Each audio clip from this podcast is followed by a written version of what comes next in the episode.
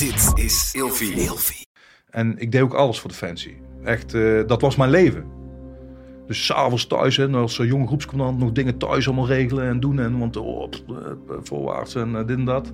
En eh, ik had wel een paar vrienden, maar dat was echt maar een paar. En op een gegeven moment eh, in 2007, hè, met die uitzending meegemaakt, denk ik, oh, dat is echt eh, helemaal eh, nog Defensie minded, weet je wel. En op een gegeven moment in 2008 gebeurt dat, met dat bevelsbevel. En toen heb ik dus gezien dat eh, als, als je net pech hebt, dan ben je een nummer. Ik heb eigenlijk maar heel weinig vrienden. Dat was mijn leven. Nu word ik gewoon eigenlijk een beetje eh, mogelijk aan de kant gezet. Misschien moet ik iets gaan doen en wat gas terug gaan nemen. Dus eh, ja, het is mooi werk.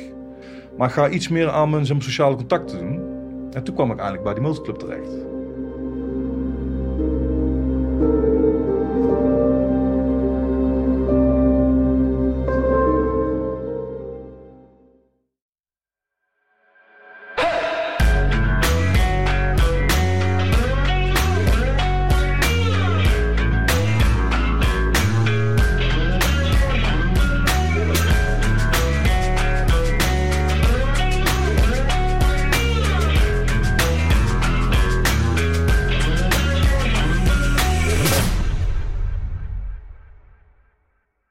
Zo, welkom bij een nieuwe aflevering van Scherpschutters. Ik heb er heel veel zin in. Tof dat jullie weer kijken. Eh volle tafel vandaag. Ik eh, voel me een beetje geïntimideerd hier. eh, twee rammers tegenover me. Maries Vissers, tof dat je er bent. En eh, vriend van de show, Erwin. Welkom. Vierde keer nou toch? Sidekick. Ja, maar ik ben er voor jou, hè? ik, Ja. wil, ik wilde Maries al heel lang hier hebben, maar hij heeft het altijd een beetje, Beetje hè, geblokkeerd, afgehouden. Ja, moeilijk, moeilijk. Ik zeg, ja, ik vind dat je een mooi verhaal hebt, maar ook eh, de persoon vind ik interessant, hè, voor, voor jouw podcast weer. Ik zei, nou, dan eh, ga ik mee, want er zijn ook oude buddies, dus eh, vandaar eh, dat ik hierbij zit. Maar Ja. het gaat natuurlijk vooral om eh Maries eh, vandaag. Leuk dat jullie er zijn. We hebben net al even bij kunnen kletsen, even kennis kunnen maken, toch? Wat, wat mij interessant lijkt is om eh, ja, gewoon eens even ja, kennis te maken. Wie, wie ben jij en eh, waar kom je dan vandaan? Want je, je bent niet alleen maar militair. Je bent natuurlijk ook een- ja, je bent vijf, zes keer op uitzending geweest. Je hebt, je hebt een onderscheiding gekregen, kruis voor verdiensten, voor je, voor je daden in Afghanistan. Waar je natuurlijk van alles over wil weten. Ehm, ja, en het heeft nogal gevolgen. eh, wat er, ja, de beslissing die Defensie dan maakt op een gegeven moment voor jou. Hè? Jouw leven Best ligt, wel, eh, ja. ligt wel op zijn kop. Ja. Hoe, eh, hoe gaat het nu met je? Ja, we zijn nu, even kijken, ik heb afgelopen december heb ik dan zeg maar ontslag gekregen. En ja, dat is eventjes een mindset die ik zeg maar, om moest zetten. Er, er kwam best wel veel stress op me af, want in één keer sta je op straat en ik heb een gezin en een huis. En, dus dat was eventjes, gelukkig heb ik heel snel werk gevonden. Het begint nou weer een beetje te stabiliseren, maar neem niet weg dat ik me, ja, ik voel me gewoon verraden. Nou, Daar komt het gewoon op neer. ja. En eh, verraden door wie? Hoe, eh, Verraden door Defensie en de Nederlandse staat. Ja.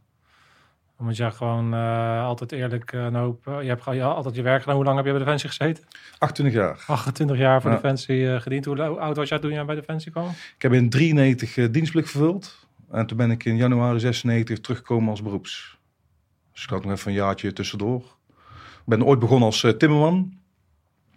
En ik ben nog even dakdekker geweest. Dus echt, eh, echt een werkman. Ja. Ja, bij mij Eh, nog een dakje ja. en zo toen. En eh, ja, eigenlijk ben ik bij Defensie gekomen. Niet eh, zozeer dat ik het echt wilde. Maar gewoon, eh, eh, ik zat toen in de dakbedekking. En die bouwvakkers gingen staken voor, voor iets. En wij vielen niet onder die CO. Dus wij moesten eigenlijk noodgedwongen voor een paar weken in de WW.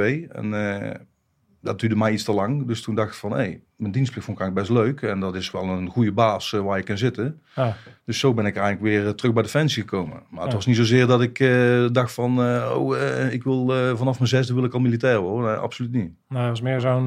Dus ja, zo Want jullie, jullie zijn allebei Brabanters, denk ik. Of die? Kennen jullie elkaar vanuit de jeugd? Of hoe, Nou, ik, hebben elkaar in 94, 95 leren kennen. in Maden. Wij eh, trainen allebei bij een sportschool. Nou ja, Erwin is natuurlijk eh, sportman eh, to the max. Dus ja, dan, eh, hè, dan kregen we eens een tipje van hem of dit of dat en een praatje maken. En zo kwam van het een kwam het ander. En ik was, toen ik pas in dienst ging op een gegeven moment, ik was wel een beetje een fitnessjongen. En dat is allemaal heel mooi dat je een beetje zeg maar, grote schouders hebt en een beetje spierballen. Maar daar ken je eigenlijk heel weinig mee. Nou, en hij ging toen net een beetje het kickboksen zeg maar, zeg opzetten. En toen ben ik eigenlijk zeg bij jou komen trainen. En zo zijn we ook echt vrienden geworden. Ik ben ook zelfs zo'n getuige geweest op zijn bruiloft. Zijn eerste bruiloft. dus, eh, Je, nou, trouwt, maar je zo... trouwt tenslotte pas maar één of twee keer in je leven, toch? Dus, Ja, eh, precies. Maar, maar, zo, eh, maar zo hebben we elkaar leren kennen. En eh, ja, kijk, eh, zeg maar, Erwin is wel iemand eh, die weet waar hij over praat. Dus dan ga je daarin mee en dan leer je elkaar kennen. En dan denk je van, ja, dat zijn wel dingen, hè, daar kon ik wel wel mee, zeg maar. Dus zo, zo hebben we elkaar leren kennen. Ja, En we, hebben En- al, we hebben altijd in die jaren zo'n beetje contact gehouden, hè? Ja. meer of minder. Soms eh, jaren niet, soms weer even belletje, even sms'je, dat soort dingen. Ook de laatste tijd natuurlijk weer. En met name ook omdat ik, ik, ik wilde helemaal langer eh, hè, voor jouw eh, platform hebben. En waarom? Niet om uit te kouwen inderdaad een strijd aan te gaan met overheid of whatever. Maar jij zei het net zelf ook mooi van... ja, ik weet wel wie Maurice is vanuit de basis. En eh, zoals die hier zit, was die eh 30 jaar geleden ook. Ja, dus qua karakter is het gewoon voor mij gewoon een goede vent die altijd vast heeft gehouden aan zijn principes. En ik vind dat wel mooi om met alles wat hij mee heeft gemaakt, eh, is te brengen voor een platform. Dat als je dan in het nieuws eh, leest of, of ziet of whatever, ja, dan zie je toch ook vaak, ja, eh, motorclub, ah, tatoeages, ja, daar zal wel iets fout zijn. ja. Dan denk ik, nou ja, eh, laat hem zijn verhaal eens doen en, en oor- oordeel dan eens en, en, en denk ook eens verder Ja. hè, dan, eh, dan dat. Nou ja, eh, helemaal eens. Ik bedoel, eh, het is tegenwoordig natuurlijk heel makkelijk om allemaal dingen in de media te zetten en er worden beslissingen gemaakt. En eh, ik kan me heel goed voorstellen dat jij altijd dezelfde Maurice bent geweest. Eh, zoals ik je nu even kort heb leren kennen, ben je precies het type onderofficieren waarvan ik er heel veel heb gehad en altijd heel veel eh, eh, bewondering en ontzag voor heb gehad voor, voor mijn mannen. En ehm, je, what you see is what you get. En, en dan ineens word je natuurlijk in een bepaald hoekje gezet. En dan krijg je een ontslag voor iets waar je je hele leven hard hebt voor gewerkt. En dan heeft iedereen een mening ergens over.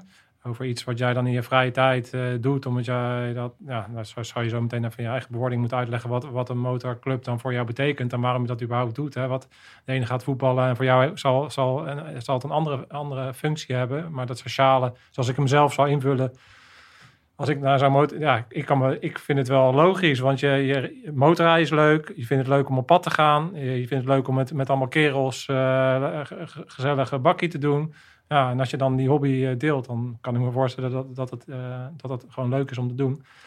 Ehm, ja, dus, dus ik kan me voorstellen dat het heel lastig is om dan op een gegeven moment in een positie te komen waarop allemaal mensen iets van jou vinden en het allemaal consequenties heeft voor jouw leven. Eh, maar jij zoiets hebt van ja. Maar ik Ja, wil, dat graag ik al, ik wil beoordeeld worden als mens en Ja. gewoon wie ik ben en eh, voor wat ik heb, wat, wat ik heb gedaan en niet voor, voor iets. voor ja, Ja, maar dat zei ik al. Hè. Kijk, als ik iets fout doe dan, eh, en het komt uit, dan moet je op de blaren zitten. Maar ik doe niks verkeerd. Kijk, en Erwin eh, die kopt hem net al een beetje in. Ja, ik ben nogal van de principes. En eh, ja, dat kan een hele goede eigenschap zijn, maar het kan je ook in de problemen Ja. brengen. En dat is eigenlijk een beetje wat er aan de hand is. Ja, ja als, je eenmaal- als je dan eenmaal natuurlijk in dat hoepel, als je dan eenmaal in, de, in die mode komt en, ja, en mensen gaan soort van dingen van jou vinden. Jij bent natuurlijk ook een, eh, een type man die dan een soort van borst vooruit en hey, what the fuck, weet je wel. Wa- Nou, als het, niet, het eh, over? als Ja. het niet rechtvaardig is, dan Nee, ja. precies. Dus als, jij, als mensen jou gaan... eh, en dan kom je natuurlijk heel snel in, in, een, in een hoekje te zitten. En dan eh, vinden allerlei officieren daar natuurlijk wat van. En dan kan ik me voorstellen dat het in jouw beleving... eh, eh, en hoe dat voor jou gegaan is... dat er heel veel onrechtvaardigheid in zit. En een gevoel van eh, onbegrip en dat soort dingen. Klopt dat? Ik, Ik, ik, ken- vul hem ja. in, hè? Klopt, Ja, klopt ik, dat maar ik ken ja. weinig mensen, zeg maar, ja is ja, nee is nee. En dit gaan we doen, dus gaan we het ook doen. Of nee, dit gaan we niet doen, dus ik ga het ook niet doen. Zeg maar dat hele simpele, elkaar aankijken en hand geven en dan eh, dat het goed zit. Dat zie je steeds minder. En, Ja. en, en ik, ik, ja, ik heb gewoon altijd eh, gevoeld en geweten en ook eh, gemerkt van ja, dat is bij Maurice aan de orde. En dat vind ik heel prettig. Hè. Nou, Ik bedoel, een ander wordt er misschien, eh, voelt dat als autoritair of, of moeilijk of... ja, Ja. Maar, maar zelfs binnen de clubs waarin wij alle drie geopereerd hebben, he- he- heb- is dat zeldzaam. Hè, dat lijkt dan allemaal logisch, maar het is zeldzaam. Ook daar. Ja, kijk, als ik kijk naar mijn eh, zeg maar, beoordelingen bij Defensie. Ja, ik heb er volgens mij een stuk of 14. Eentje is goed en de rest is allemaal uitstekend. Dus volgens mij deed ik het niet verkeerd. Ja. Maar ja, dan in één keer, eh, omdat het een eh, zeg maar, politieke hype is, word je dan in één keer het slachtoffer. Kijk, ik ben gewoon een simpele jongen en ik ben ooit opgegroeid, zeg maar, ik ben in 75 geboren. Dus in de jaren 80, 90 is mijn jeugd geweest. Ja, buiten spelen, rennen, voetballen, bomen klimmen. ja, gewoon een straatschoffie. En eh, ja, toen op een gegeven moment ben ik in aanraking gekomen met Defensie. En eh, ja, ik ben er van het ja, nee en nee, zeg maar recht door zee. Maar ik heb ook wel geleerd bij Defensie dat je soms even een stap terug moet doen en even op een andere manier moet aanpakken. Tuurlijk, hè, ik heb ook heel veel goede dingen zeg maar, geleerd bij Defensie. Alleen, ja, je merkt gewoon een politieke hype, dan eh, laat ze gewoon vallen. En dat is gewoon wat de kaart gebeurd is. En meer kan ik er niet van maken. Nee. nee. Hey, la- la- laten, we dus, eh, laten we eens dan even een beetje erin duiken. Want ik ben dan, eh, ja, ja, misschien heb je de podcast wel eens gezien. Erwin heeft de vraag al meerdere malen gehad. Ik, ik vraag altijd van wie, wie ben je eigenlijk? Ja. Eh, wat ik benieuwd ben is van, eh, ja, weet je, eh, je hebt verteld, vertelt al een beetje, gewoon een, jongen van de van, eh, een buitenspelen en eh, een arbeid, lekker arbeid en eh, werken met je handen. En op een gegeven moment kom je in contact met Defensie. Eh, maar kan jij eens een beetje wat vertellen uit wat voor een nest je komt en hoe je bij Defensie bent gekomen en wat je bij Defensie allemaal eh, hebt gedaan? Want dat we jou een beetje kunnen leren kennen. Ja, eh, ik kom uit een gezin van vier. Eh, ik heb nog een oudere zus. Eh, mijn vader was eh, lasser. En mijn moeder deed schoonmaken. Theo heette die toch? Nee, Jan. Ja. Theo is van, eh van Marnie. Oh, dat, nee, is, dat- dat was zijn schoonvader. Ja, ja. ja. Nee, maar eh, ja, laat ik het zo zeggen. eh, ik heb niet zo'n goede band met mijn vader. Dus eh, ik ben ook met mijn 16 ben ik het huis uitgegaan. En toen ben ik bij Theo terechtgekomen. ja, maar eigenlijk was er wel iets. Want ik was 16 en mijn vriendinnetje was 14. En eh, ik ben toen op kamers gaan wonen. En Want ik had al wel een vaste baan. Ik was 16, was ik klaar met school. Dus ik had gewoon eh, zeg maar, vaste baan eh, eh, zeg maar, had ik gevonden. Dus ik kon wel op de kamer zitten. Maar ja, ik zat daar niet tussen allemaal hele frisse figuren. Maar ja, zij kwam natuurlijk ook wel eens bij mij. Dus die ouders vonden dat toch niet zo heel tof. Dus die zeiden van, ah, we, we gaan iets zeg maar, geks doen als je dat wil. Je kan even bij ons komen wonen. Nou, dus eigenlijk heb ik bij dat gezin, heb ik juist eh, wel echt dat gezinsgevoel gehad. Want ik heb er vijf jaar in gewoond. En eh, ja, ik werd gewoon als eigen zoon behandeld. En, eh, maar ja, daar was het ook gewoon heel simpel. Gewoon werken en hard werken. En dan heb je een hartstikke goed leven. Jongen, ik kreeg een broodtrommel mee, daar ben helemaal akelig van, omdat ik zo hard werkte. ja, maar, maar dat was van die moeder de beloning van, hé, hey, jij bent goed bezig en hard werken en hup, lekker broodtrommel mee. En ja, die gasten zaten altijd te kijken naar mij zo van zo, kijk eens waar hij helemaal mee heeft gekregen. Maar, dus ik heb daar vijf jaar bij die mensen ingewoond. En toen ben ik in eh eh, 96 ben ik op de eerste uitzending geweest naar Bosnië. En na die eh, uitzending had ik wel geld eh, natuurlijk. En toen ben ik met haar eh, ben ik, eh, ben ik samengewoond. En ik heb bijna twaalf jaar maar gehad. Alleen, zij was echt een dorpsmeisje. En eh, ik was zeg maar, de wijde wereld ingegaan, om zo maar te zeggen. Dus dat is een beetje uit elkaar gegroeid. En dat is zo, zo gegaan. Ook helemaal niks, niks negatiefs eh, over hun of wat dan ook. Dat is gewoon zo gebeurd.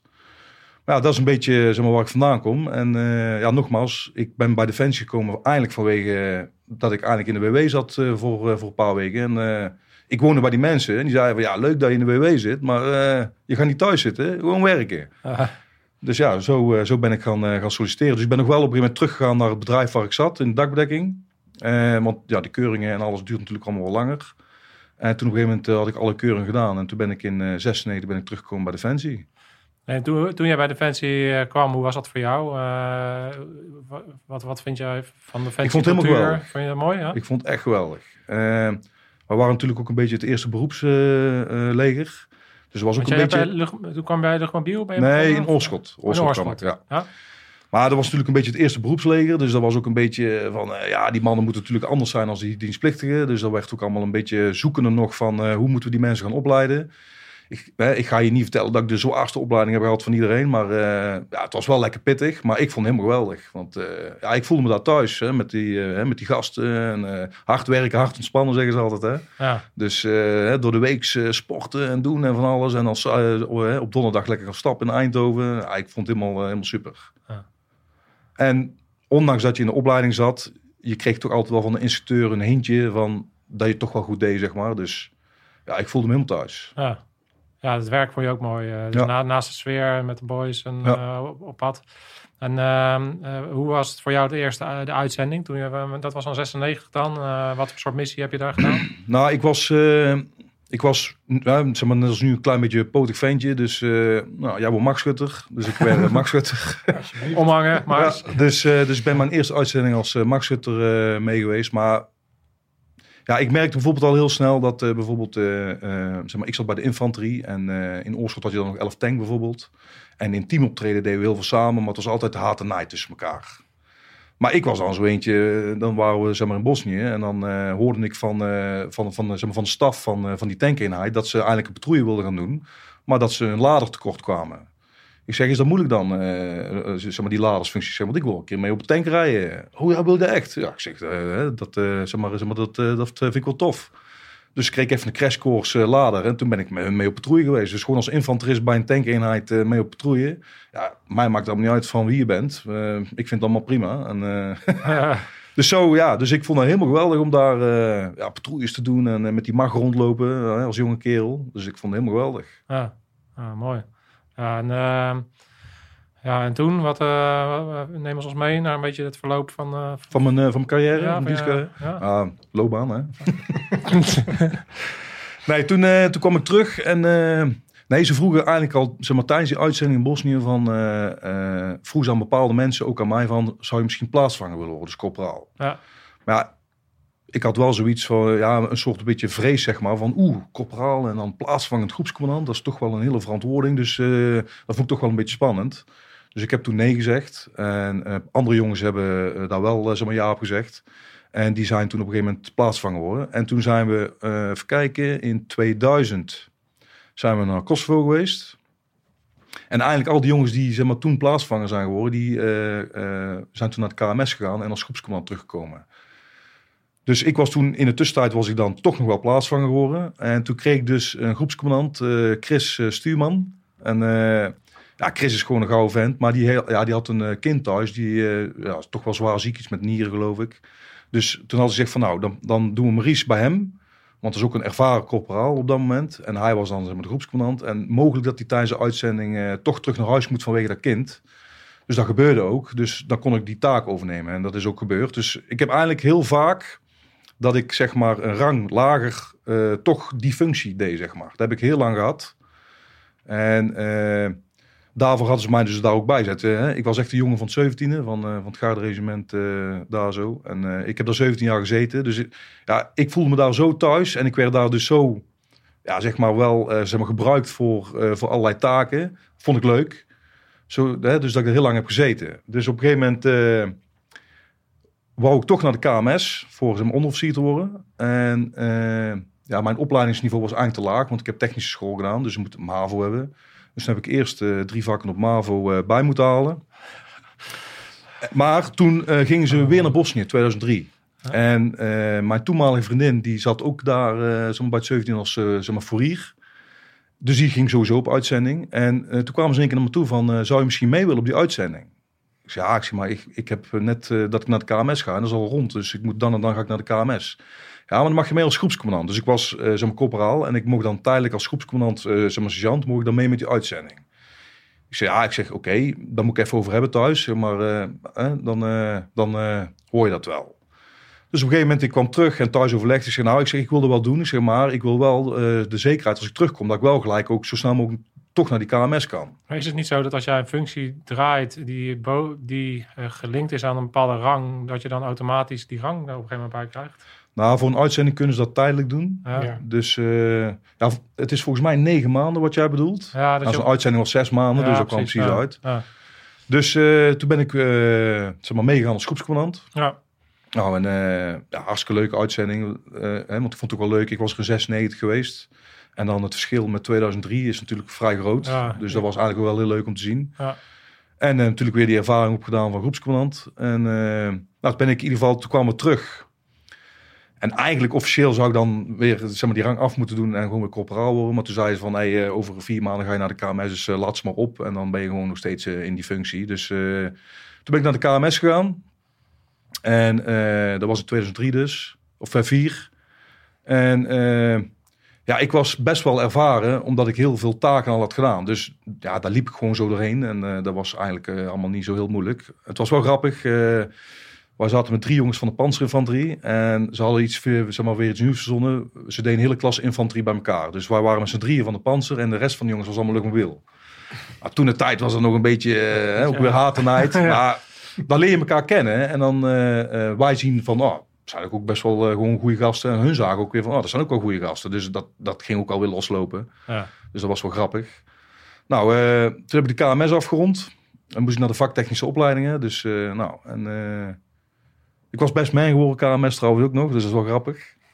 En toen kwam ik terug en toen kreeg ik het horen van mogelijk dat we naar zeg maar Afghanistan gaan. Dus ja, dat vond iedereen toch wel heel spannend. Dus, maar we hadden één geluk. We hadden een eenheid die zat al best lang bij elkaar. Eh, toch al wel anderhalf, twee jaar eh, allemaal echt, zeg maar, echt bij elkaar. En dat zou ook zo blijven. Dus eh, toen zijn we gaan voorbereiden voor Afghanistan. En het grappige was... wij kregen een luitenant kregen we binnen ons peloton, een nieuwe. En dat was een, ja, dat noemen ze dan lang, lang, lang trajector volgens Lang mij. hè? verband of zo? Ja, zoiets. Ja, ja. Dus die heeft een lange opleiding gedaan op de KMA. En ja, ik weet niet wat ze daar toen leerden, maar dat was vooral, eh, ik kom eraan en ik ga die boel regelen. En eh, ja, dat was het dan. Maar het was een hele fanatieke, dus... Die ko- volgens mij komen die van eh, een HAVO meteen door in een officierstraject, toch? Ja, dus ze moeten minimaal HAVO hebben volgens mij. En dan Ja, kan je het korte traject doen of het lange traject. Ja, En het korte eh, zeg maar, is eh, tot en met major mogelijk overste. ja zo. En het lange traject was dat je dan maar dat eventueel de HDV afrondt en Ja, ja. dan eh, voor ooit maar misschien had, generaal. had hij al defensie, eh, had hij al ervaring? Nee, nee, nee. nee, precies. Die gaan dus vanuit de spijkerbroek meteen in een officiersopleiding. Precies. Ja. Dus die kwam binnen en eh, ja, hij ging ook de boel regelen. Alleen, ja, je hebt natuurlijk een OPC, je hebt vier groepscommandanten die allemaal gemiddeld twee uitzendingen hadden gedraaid. Dus eh, Les nummer 1, luister naar je onder. nou ja, ja. kijk, Was die even vergeten? nou, maar hè, het was best een goede luitenant. Eh, alleen, eh, ja, het, hè, het liep niet helemaal lekker in het, eh, in het teamverband, zeg maar. Dus op een gegeven moment zag ik lui, zag ik de handen een beetje zeg maar, ervan afhouden. Ja. Dus ik denk, nou ja, daar moet ik iets mee, want we gaan mogelijk naar Afghanistan. Ja. Dat is toch best wel spannend, want je hoort er allemaal dingen over. Dus op een gegeven moment, eh, ik had natuurlijk KMS eh, net gedaan en eh, een stukje gesprekstechniek en bla bla. Dus ik denk, nou dan ga ik mooi eens even kijken hoe dat allemaal werkt. dus op een gegeven moment kom ik 's ochtends aan en we zouden onderhoud gaan plegen. Ik zeg, luitenant, ik zeg, ik wil graag om half vier met u een gesprek hebben. En dan wil ik het hebben over delegeren en samenwerken. Ja, maar nee, half vier. Ik moet nou naar de, Dan gaan we lekker, lekker om half vier praten. Dus hij had heel de dag kunnen malen. Dus op een gegeven moment eh, zeg maar, ben ik met hem dat gesprek aangegaan. Ik zeg, eh, nou luitenant, ik, zeg, ik heb me een gesprek aangevraagd. Zeg, want eh, ik zie een aantal dingen gebeuren hier zo. Ik zeg, ik zie een hele fanatieke luitenant binnenkomen. En ververen ze reet natuurlijk. En die alles wil regelen. Ik zeg, en dat is op zich prima. Ik zeg, maar dat ga je niet volhouden. Ik zeg, en je hebt gewoon functionarissen binnen jouw club die die taken kunnen, kunnen afnemen. Ja, maar dit en zo zo. Ik zeg, dat snap ik. Ik zeg, maar ik zie mensen dit gaan doen en dat is, dat is gewoon niet handig. Ik zeg, want je zit s'avonds tot, eh, gewoon tot 11 uur hier te werken. Ik zeg, dat ga je niet volhouden. Ja, maar zo en zo. Ik zeg, oké. Ik zeg, het is moeilijk om, het, eh, zeg maar, hè, om u te overtuigen. Ik zeg, maar ik zal een kreet ingooien. Ik zeg, een peloton zonder luitenant is nog steeds een peloton. Ik zeg, en een luitenant zonder peloton is, zeg, is één luitenant. En toen ben ik weggegaan. Ik zeg, dan hebben we het daar nog wel over. En ik zag zijn kop een beetje zo van, oké, dat is wel een hele mooie stelling. En de dag daarna ging het helemaal super. En eh, toen zijn we eigenlijk een heel goed team geworden. En eh, waarvoor zeg ik dit nu eigenlijk? Eh, we zijn toen naar Afghanistan geweest. En in januari liep, zeg maar, zeg maar, liep wij in de hinderlaag. En is die luitenant zwaar gewond geraakt. Heel, heel zijn kaak lag eraf en van alles en nog wat. Dus, Een ID is hij gewoon. ja, hij werd ingeleid met een, met- een bom in een auto. En daarna werden we beschoten van, vanuit een oordrand. Ja. Alleen, ze hadden die bom afgezet bij een panzervoertuig. Alleen hij reed erachter met zo'n softtoppie. Ja. Dus hij kreeg heel veel scherf in zijn gezicht. En daardoor eh, ja, kon hij niet meer functioneren. Maar het grappige was... eh, hij moest op een gegeven moment naar, eh, kijken, volgens mij Kandahar voor, voor de, zeg maar, de eerste operatie te ondergaan. En toen is hij terug naar Nederland gevoerd. En toen eh, had hij een brief geschreven van luister, eh, dit en dat is met mij aan de hand. Ik moet zoveel operaties doen, bla bla bla. Maar ik probeer nog, eh, voordat we eh, klaar zijn met de uitzending, probeer ik nog in het gebied te komen om met jullie eh, zeg maar, de zaak af te ronden. Hij zegt, en jullie weten, een peloton zonder luitenant is nog steeds een peloton. Ik denk, hé. Hey. Dus dat was gewoon een super samenwerking. En de reden dat ik het ook nog zeg is, eh, die man heeft ervoor gezorgd eh, dat dat in werking is gezet, dat ik op een gegeven moment een kruis heb gekregen. Want dat is zijn, eh, zijn eh, zeg maar, werk geweest. Ja. En nogmaals, nu is mijn verhouding met Defensie natuurlijk eh, niet zo. Dus eh, zou ik kunnen zeggen van, eh, pff, dat papiertje, dat scheur ik door en dat pleur ik in de vuilnisbak. Maar het gaat niet om dat ik, hè, dat ik dat papiertje van Defensie heb gehad. Het gaat erom dat hij dat in werking heeft gezet. Als een soort dankjewel van wat ik daar dan heb gedaan. Was dat vanuit die hinderlaag? Ja, de- Maar kun je misschien daar iets over meer over vertellen? Wat, wat, wat er daar dan dus in die hinderlaag gebeurd is? Ja, we hadden natuurlijk, eh, wij zeg maar, opereerden vanuit de base eh, Punjak, buitenpost. En vanuit daar deden we dan ook patrouilles. Alleen dat was eh, binnen een straal van drie kilometer. Want verder mocht je dan niet. Want je zat daar met een peloton plus. En dan moest je dan eh, zeg maar door de helft verdelen. En dan moest de helft op Poentjak blijven. En de andere helft deed een patrouille. Maar dat was natuurlijk niet zo groot. Dus vandaar die drie kilometer. En eh, we hadden Istar net in het gebied. Die waren net in het gebied gekomen. Dus die wilden graag mee ook eh, om een beetje zeg verkenning eh, te doen. Dus we gingen eigenlijk met eh, twee panzervoertuigen en drie softtopjes gingen we zeg maar, de patrouille doen. En Istar die zat achterop. Die luitenant zat in het midden en die twee panzervoertuigen voorop. Toen reden we, ja, daar heb jij ook al, met die buitenpost Boema heb je daar gezeten. Hè? Maar in ieder geval ook in die hoek ja, kwamen er wat auto's aan. En ik had gelukkig een hele zeg maar, ervaren chauffeur. Dus die, ja, die dacht van, hé, dat is allemaal te veel auto's. Dus eh, nou, stoptekens, dit, dat. Nou, eh, op een gegeven moment stopte ze wel. Maar hij denkt, ik ga er toch een beetje omheen. Want eh, ja, dat hoort gewoon zo. Hè? Want we willen niet te dicht bij die mensen in de buurt komen wat dat betreft. Dus dat deed hij ook. Alleen het voertuig van de genie op een of andere reden moest hij toch langs dat voertuig af.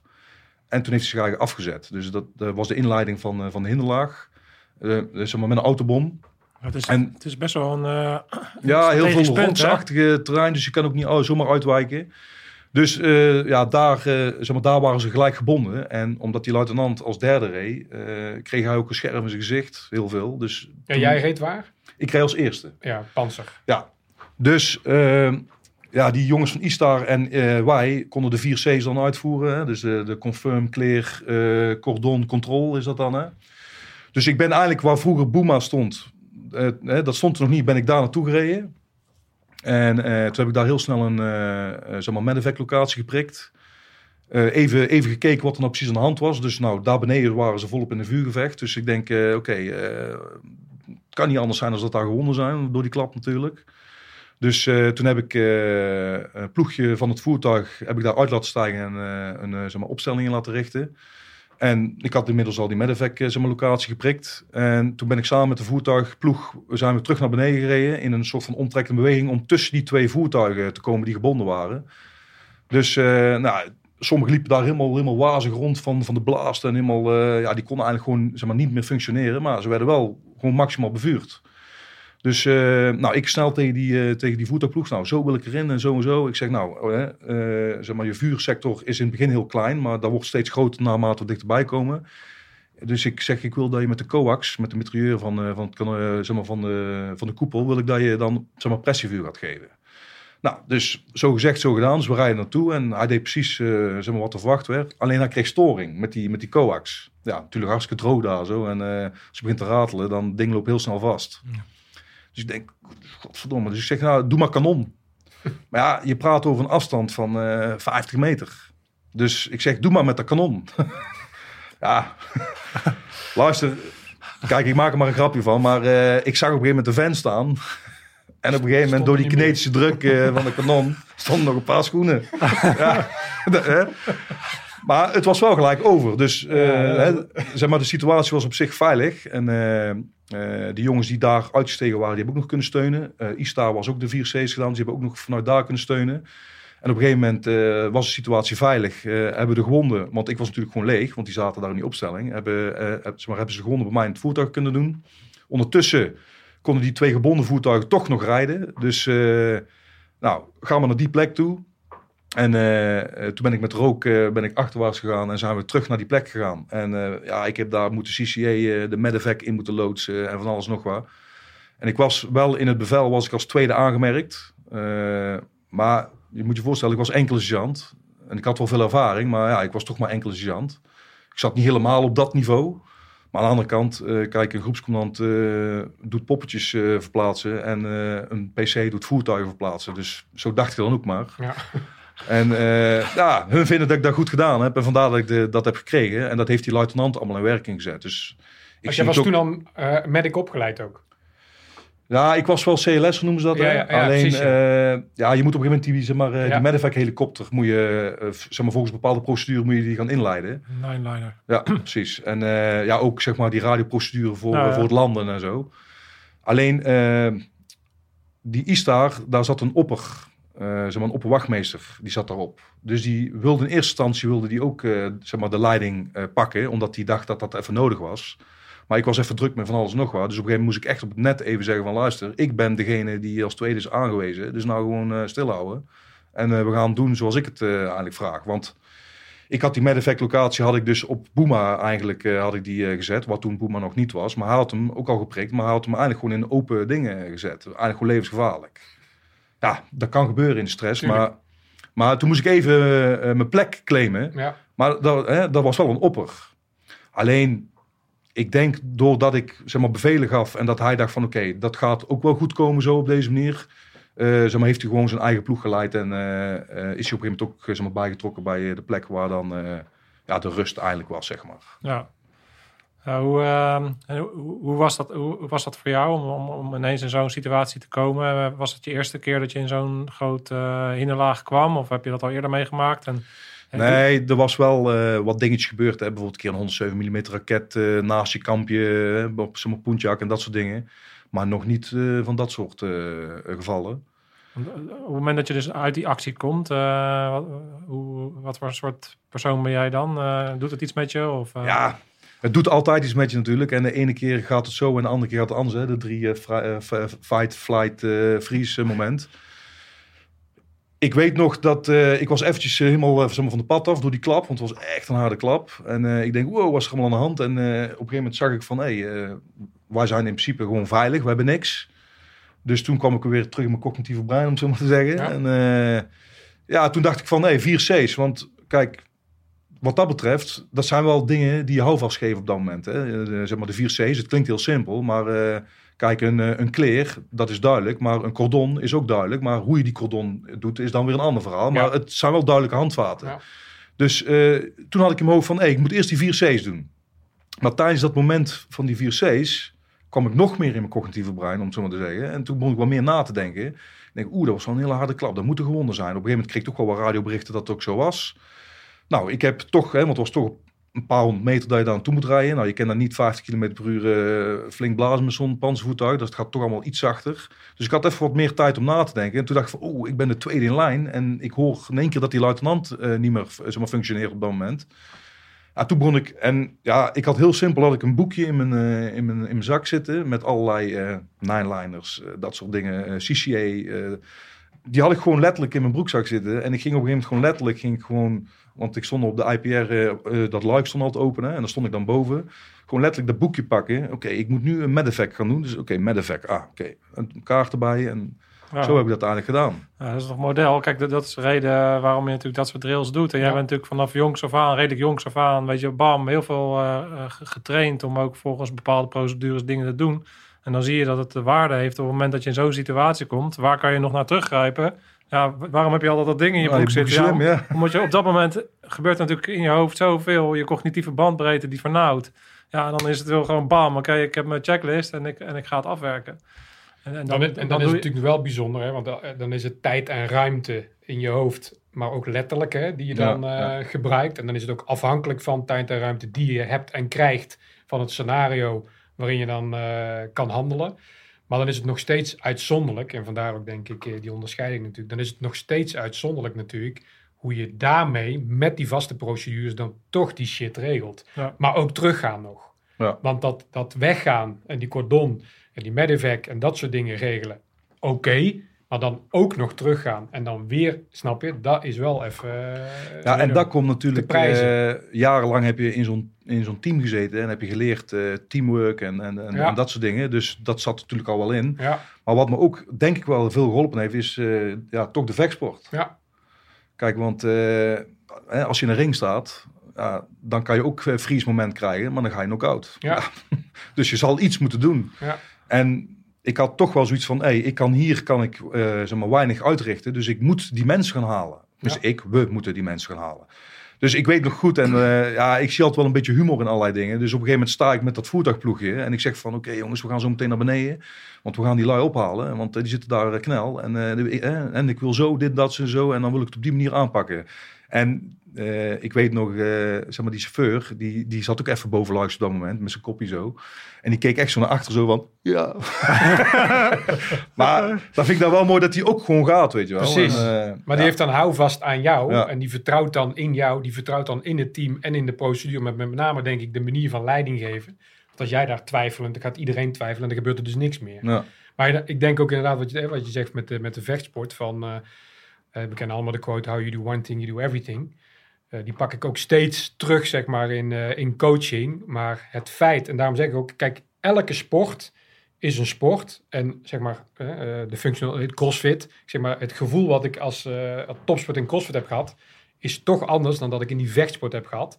En waarom? Ik heb nooit het gevoel in crossfit gehad dat ik zonder rem daar heel alles, maar in die ring of op die judomat wel. Want dan zit er geen netje tussen, dan heb je geen barbel, dan is het mano a mano. Ja. En, en je hebt dan ook letterlijk, eh, eh, zeg maar, van ja, hij of ik, het gevoel daar, zeg maar. Hè? Terwijl het sport is. Ja. Nou, en, en dat, dat als blueprint nemen we dat wel mee in zo'n crisissituatie. En dan blijkt dus dat, ondanks dat het niks met elkaar te maken heeft, dat het qua mindset heel veel met elkaar te maken heeft. Alleen, wat de meeste mensen dan eh, wel moeten doen, je moet die ervaring of eh, liefst trainen natuurlijk, voordat je het meemaakt. Of je kan het meemaken en dan van de ervaring leren. Ja. Maar ze zeggen ook vaak, hè, ervaring krijg je net nadat je het nodig hebt. Jij hebt dan daar door training en eh, jeugd en alles, kom je dan tot zo'n positieve ervaring. En ik denk dat dat dan dus ook vormt voor de rest van de carrière in beslissingen en in eh, leiderschap. Ja, ik was blij dat ik op dat moment een fight-modus eh, kreeg, zeg maar. Want dat had Ja. ook anders gekund, hè. Want ja, nogmaals, eh, bijvoorbeeld in de vechtsport, soms maar, kom je de ring in en dan denk je van, "Ah, pff, die pak ik wel even. Hè, dus dan denk je van, oh, en dan blijkt dat hij gewoon echt veel beter is dan jou. Ja. Terwijl de andere keer sta je in de ring en dan denk je van, wow, wat is dat voor een, joh? En die, die doet het eigenlijk helemaal niet zo goed. Maar dat is wel een moment dat je misschien die drie eh, fight eh eh, freeze momenten zeg maar, krijgt. Ja. Hè, dus daarvoor heb je soms een wat betere wedstrijd als een andere keer. Omdat Ah, ja. je die drie dingen En tegen. het is ook niet, het is, van drie is slecht hè. Want het menselijke brein en systeem zit ook zo in elkaar dat op het moment dat de flight, eh, eh, of flight of freeze komt, is dat misschien op dat moment instinctief ook wel het beste. En vervolgens, wat jij natuurlijk ook goed gedaan hebt daar, is hoe kom ik daaruit en maak vervolgens meer tactisch, cognitief weer de juiste keuzes. Want mensen denken vaak, ja, vecht is altijd goed en freeze is altijd slecht, maar dat is natuurlijk niet zo.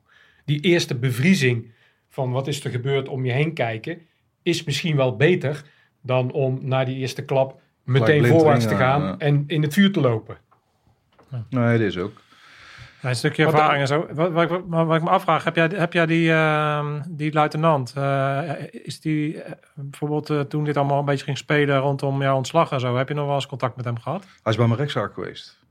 Dus die band is wel echt gewoon voor, voor het leven, eh, wat dat betreft. toch? Ja, ik merk wel, eh, eh, hij ondersteunt me waar hij kan. ja. Maar Ja, hij is natuurlijk wel iemand die ook graag carrière wil maken. En hij, is wat dat betreft ook wel terughoudend. Maar het is wel zo, en dat weet ik gewoon 100% zeker. Hij gaat niet mee te koop lopen dat hij mij ondersteunt. Maar als toevallig op het werk een gesprek gaat over mijn onderwerp, dan zal hij mij altijd verdedigen. Dat wel, dat weet ik gewoon zeker. ja. Dus ja, dat is ook goed, hè? Ja. Ja, Ja. dus hij, eh, hij is eh, tijdens die actie gemedivact, denk ik, samen Ja. met hoeveel, hoeveel gewonden hadden jullie daar? We hadden zeven gewonnen, waarvan drie zwaar. En eh, ja, ik hoorde wel op een gegeven moment op de radio, eh, ze zijn stabiel. Ja, en dan, dan ja, hè, ik dacht op dat moment ook van, oké, ze zijn stabiel, dan is het goed. Ja. Dat, hè, dat komt later dan wel, dat ze worden behandeld en gedaan. En, maar dat was voor mij goed. Dus ik zie het ook als een positieve ervaring, want eh, één, wij hebben gewonnen. Twee, eh, er zijn geen doden gevallen. En eh, iedereen is er nog. Dus, en ja, er zijn wel mensen, zeg maar, één is zijn oog kwijt. Die heeft wat zeg maar, hersenletsel gekregen daardoor. Dus, eh, dus dat hij wel langzamer kan functioneren in de maatschappij als dat hij eerder kon. Dus er zijn echt wel wat dingetjes nog aan de hand. Maar ik zie het als een positieve ervaring. En ik moet ook zeggen, we hadden Is toen die ook... jongen die met zijn ogen is dat Rick? Ja, Oh, die, die was er ook bij, ja. Ik heb ook contact met de jongens. Ja, ja. Eh, ze komen binnenkort ook een keer langs hier. Ah, leuk. Met z'n vieren, omdat zij nog steeds ook contact hebben. En met z'n, natuurlijk met toen ook... eh, ehm, ik zag een poster bij komen van LinkedIn... waarop zij dan eh, toch weer een biertje gingen drinken. Met z'n vijven, sorry. En ehm, ik vond dat zo mooi, omdat je dan op zich natuurlijk iets heel heftigs meemaakt. Ze zijn het gebied uit te gaan. En hij heeft dan inderdaad met- met zijn hersenen, met zijn ogen dingen en andere... zijn op zich functioneren allemaal nog wel, maar ze hebben... Maar dat, dat, ze nog steeds wel gewoon die band hebben en met elkaar, eh, die vriendschap hebben. Ja, en dat is het plekje weer hebben gevonden. Hè? Dat, Ja. is, dat, is, maar, maar dat is het belangrijkste. Dus, eh, Ja, precies. En ik moet zeggen, hè, we waren er ook echt een goed team. Want eh, ik ben een jaar later ben ik met, zeg maar, met Luchtmobiel, met de verkenners. En misschien qua individuen zijn ze misschien soms wel beter getraind. Maar als team vond ik het minder. Omdat het allemaal maar net samengesteld was toen ik met de verkenners daar aan toe ging. Ja, merk je dat verschil? Ja, waar- dat merkte ik zeker. Kan je eens proberen uit te leggen waarin je dan het verschil merkt tussen een team wat op elkaar ingespeeld is en een team wat Nou ja, lang bij elkaar zit? Kijk, eh, ik riep eh, tegen mijn plaatsvanger toen wij eh, zeg maar, op dat Puma-plekje waren. zei ik gewoon, eh Lans, steunen. Een half woord heb je genoeg, zeg maar. En hij deed gewoon zo. Ja. En ik laat hem gewoon zijn ding doen. En dat hoort ook zo, hè, want hij is niet voor niks plaatsvervanger. Dus daar moet je ook op vertrouwen. Maar dat, maar dat heeft hij ook al gewonnen van mij tijdens oefeningen. En, dus eh, ik ken hem.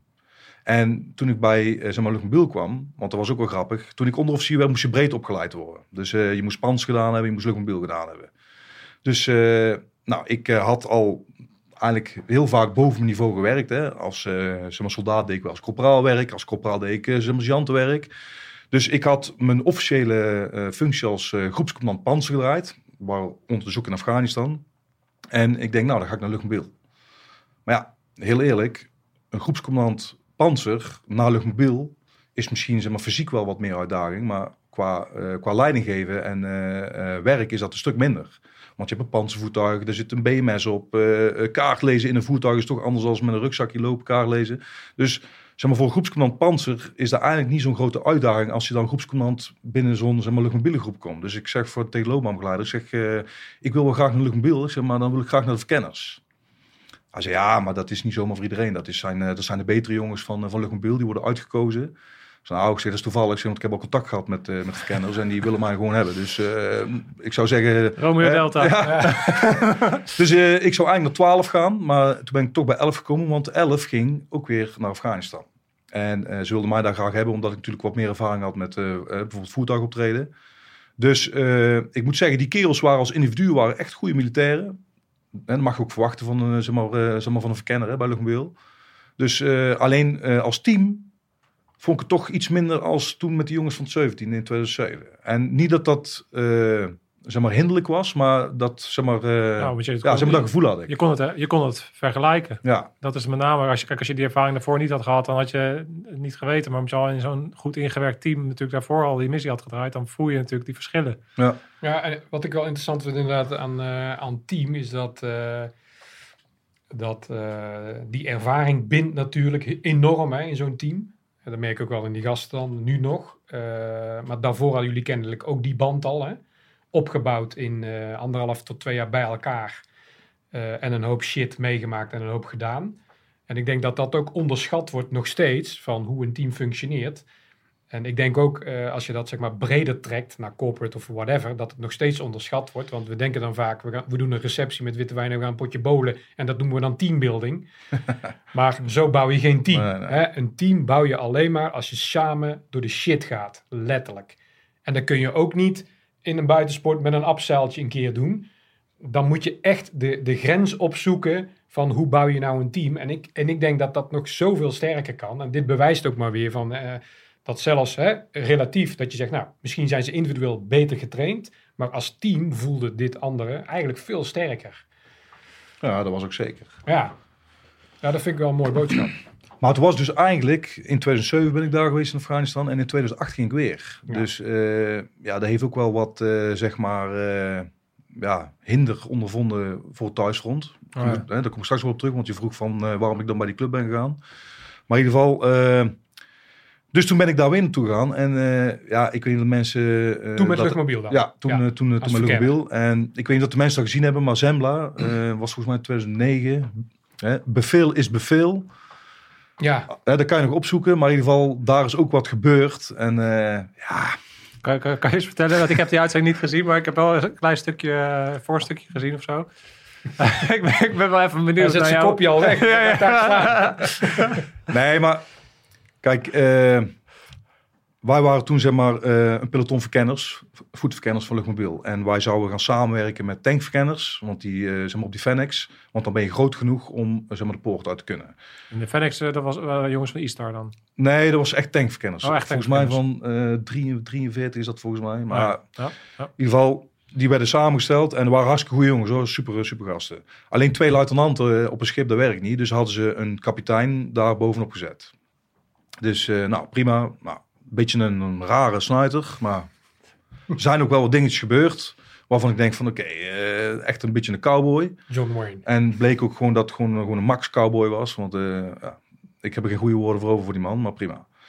Alleen, wij vielen onder battlegroep.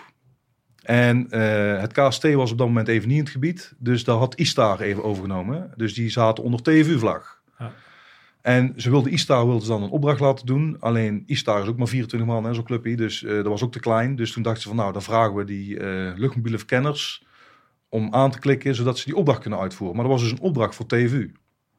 En eh, normaal gesproken bij een uh, rekkie-eenheid ga je dan in ISO-fase en dan ga je onderhoud doen. Je gaat alles voorbereiden. En dat is gewoon een standaard voorbereiding van vier dagen. Ja, voor de mensen die dat niet eh, begrijpen, ISO, ISO staat voor isolatie. Is Ja. een isolatiefase waarin je gewoon echt eh, Ja. met je planningsproces eh, aan de slag gaat, zodat je goed op pad gaat. Ja. Dus eh, nou ja, eh, we zouden eigenlijk over twee dagen al weggaan. Dus eh, wij zo, oeh, dat is wel heel snel. Eh, ja, nee, maar eh Istar heeft het al helemaal voorbereid. Jullie hoeven alleen maar in te lezen en dan eh, komt het helemaal goed. Dus wij, eh, oké. eh, dus wij gingen als groepscommandanten gingen we dan eh, eh, zeg maar naar Istar toe om eh, te kijken naar hun zeg maar, isoleerruimte. En er hing gewoon een TV-bevel alleen aan de muur. Dus eh, wij zo naar elkaar kijken, zo van oké, wat is dit dan? Dus wij gingen wat vragen stellen over hè, mogelijke what-ifs. En heb je hier aan gedacht? En hoe zit het met dit? En hoe zit het met dat? En Course, eigenlijk, course of action, Ja. analyse van de kaart. precies, maar eigenlijk kon ze op heel veel dingen geen antwoord geven. Oh. Dus toen dachten we van, oh, maar het was best een serieuze opdracht. Want wij moesten, eh, ik weet niet precies hoe die plek heet, maar dat was een eh, zeg maar hotspot van... eh, Kakkerak. nee. Het was zeg maar, als je TK had, was het meer Oost. Ja, iets met een M. Mirabat. Mirabat, ja. ja.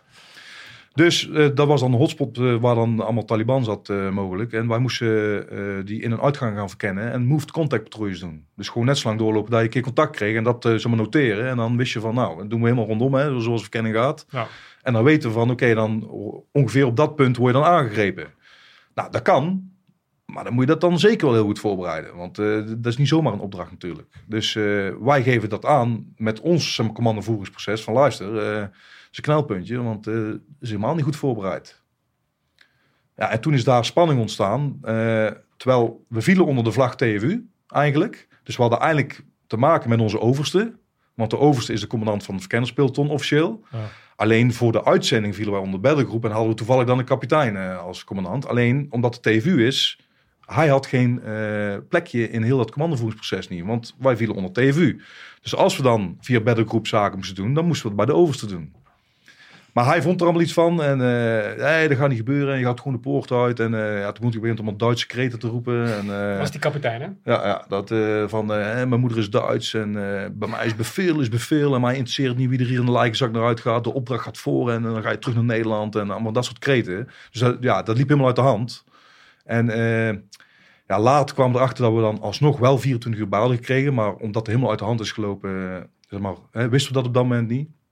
We zijn ook op eh, zeg maar, eh, non-actief gezet toen voor, eh, voor een paar dagen. Daar, zeg maar, zeg maar, daar in Afghanistan. En die lastige lui, die zetten we even... Ja, toen hebben ze eerst een zeg maar, strafrechtelijk onderzoek door de Marseille laten verrichten. Nou, dat bleek dus dat we eigenlijk niks hadden gedaan. Strafrechtelijk in de zin Ja, hij had ons aangegeven voor eh zeg maar, mijn eet. Het negeren van... Ja. ja.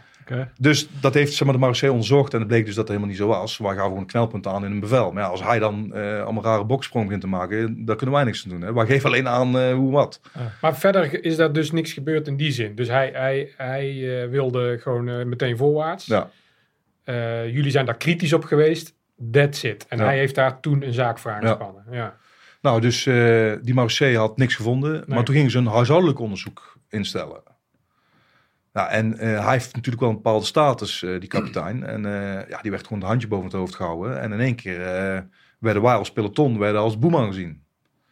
En met name ik en nog iemand. Want wij waren dan de hè, initiators. Maar ja, dat is nogal. Ik ben van de principes. En dat is vaak goed. Maar dat brengt me ook vaak wel eens toch wel in problemen. Ook daar weer. Ja. Alleen het bleek dus achteraf dat we gewoon gelijk hadden. Maar het is nooit gerectificeerd. En pff, die kapitein werkt nu nog steeds bij Defensie. En. Shit Maar- goes downhill. ja. Dus ja, maar dan kom je dus van waarom dan die club? ik mag geruststellen dat, eh, want ik zei net al, toen ik uh, zo'n pas bij Defensie kwam, vond ik helemaal geweldig. En ik deed ook alles voor Defensie. Echt, eh, dat was mijn leven. Dus s'avonds thuis, en als jonge groepscommandant, nog dingen thuis allemaal regelen en doen. En want oh, voorwaarts en dit en dat. En ik had wel een paar vrienden, maar dat was echt maar een paar. En op een gegeven moment in 2007 met die uitzending meegemaakt. Denk, oh, dat is echt helemaal nog Defensie minded, weet je wel. En op een gegeven moment in 2008 gebeurt dat met dat bevel En toen heb ik dus gezien dat uh, als, als je net pech hebt, dan ben je een nummer. Dus op dat moment dacht ik van, ja maar wacht eens even. Ik heb eigenlijk maar heel weinig vrienden. Dat was mijn leven. Nu word ik gewoon eigenlijk een beetje eh, mogelijk aan de kant gezet. Misschien moet ik iets gaan doen en wat gas terug gaan nemen. Dus uh, ja, het is mooi werk. En het is ook zeg maar, dankbaar werk. En uh, ik vind het nog steeds hartstikke leuk. Dus laat het dan ook vooral leuk werk houden. Maar ga iets meer aan mijn sociale contacten doen. En toen kwam ik eigenlijk bij die motorclub terecht. Nou, en toen is mijn sociaal netwerk weer een stuk groter geworden. Maar dus voor 2008 was uh, zeg maar, Defensie mijn leven. En na 2008 was het gewoon leuk werk. Ja, en nu met dit erbij. Ja. Ja. Nou, is, ik begrijp uh, en ik voel ook precies wat, je, wat je zegt. Ik herken het ook. Ik heb zelf, ehm, bij mij is is iets anders dan wat eh, mijn eigen ding. Zeg maar. maar ik heb ook zo'n omslagmoment gehad in 2009. Moest ik na Afghanistan moest ik, moest ik direct naar Frans-Guyana. En toen heb ik daar een, bij de legionairs uh, opleiding gedaan. En daar gebeur, gebeurden allemaal rare dingen. En ik heb daar op een gegeven moment ook ja, gezegd van, maar wat hier gebeurt klopt niet helemaal. En ik wil je eigenlijk weg. En toen werd ik eigenlijk niet, kreeg ik geen backup vanuit Defensie. Dan was het van, ja, je moet daar blijven. En je moet gewoon je ding doen daar. Dienen dek hulzen maken. Ja, en, en uh, ja, precies. Nou, toen, ik merkte toen gevoelsmatig, bij mij was dat ook zo'n zo soort breekpunt, waarop je dan die loyaliteit zo heftig hebt naar Defensie. En als je dan in een situatie komt waarin je dan het gevoel krijgt van ja, wacht eens even, maar ik ben wel loyaal toe naar jullie, maar zijn jullie ook loyaal naar mij als het erop aankomt? En als je dat gevoel niet meer hebt, dan kan ik me heel goed voorstellen uh, dat zeker een man zoals jij uh, en je dan ja, gewoon heel erg het, die behoefte ook hebt aan, aan, aan gewoon die, die, die verbinding met elkaar en op pad zijn en, en, en door, door het vuur gaan met elkaar en voor elkaar. En, en, zeker nu je dit ook vertelt, dan kan ik me ook heel goed voorstellen dat alle mensen die dus een mening, die een krantenknipsel lezen, die zullen zeggen van ja, maar wat de fuck, waarom gaat die vent niet gewoon, die kan toch gewoon ophouden met zijn clubpie? Wat, uh, wat is, wat is, ik had zit er moeilijk te kunnen springen. Ja. had ik kunnen noemen. Ja, maar, als je, maar, maar als je, dat, dat, ja, tenminste, dat heb ik dan. Hè, want ik ga, ik ga altijd zo blank erin. Maar als ik jou dan dat, zo hoor vertellen. Ja, ik snap het. Ik begrijp ook hoe dat al loopt. En ik begrijp ook dat je daar je vrienden opbouwt. En dat je daar je, je leven, je sociale dingen op een gegeven moment Plus het is een club van veteranen. Dus ja. uh, ze hebben allemaal dat werk gedaan. Of doen het nog steeds. Ja. Dus uh, ja, dat sloot mooi aan. Want ik reelde Harley Davidson. Hè. Ja, toen ze nog zo'n soort prijs elkaar motor. Deed wat nog een beetje feuten met elkaar. Ja, toen wel. Maar ik, uh, ik uh, reed toen al Harley Davidson. Dus ja, dat sloot heel mooi aan op wat ik zocht op dat ja. moment. Kijk, en het zijn mijn eigen keuzes geweest. Hè? Dus, maar het is wel zo. 2005 tot en met 2008 was wel een periode dat ik precies in een levensfase was. Dat ik normaal gesproken misschien een gezinnetje zou gaan stichten. Heb ik expres niet gedaan. Precies. Want ik vind, als jij uh, uh, kinderen wil, dan moet je er ook wel kunnen zijn voor je kinderen. En ik was op dat moment zo druk met Defensie en ik was zo ook helemaal into Defensie, dat ik gewoon de keuze heb gemaakt om, om dat niet te doen.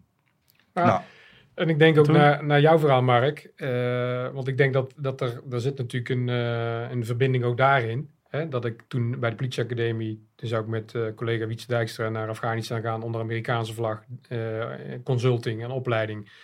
En, in de overleen naar Dubai werden we gebeld, nieuwe directeur politieacademie. En die wilde even de vegen er doorheen halen.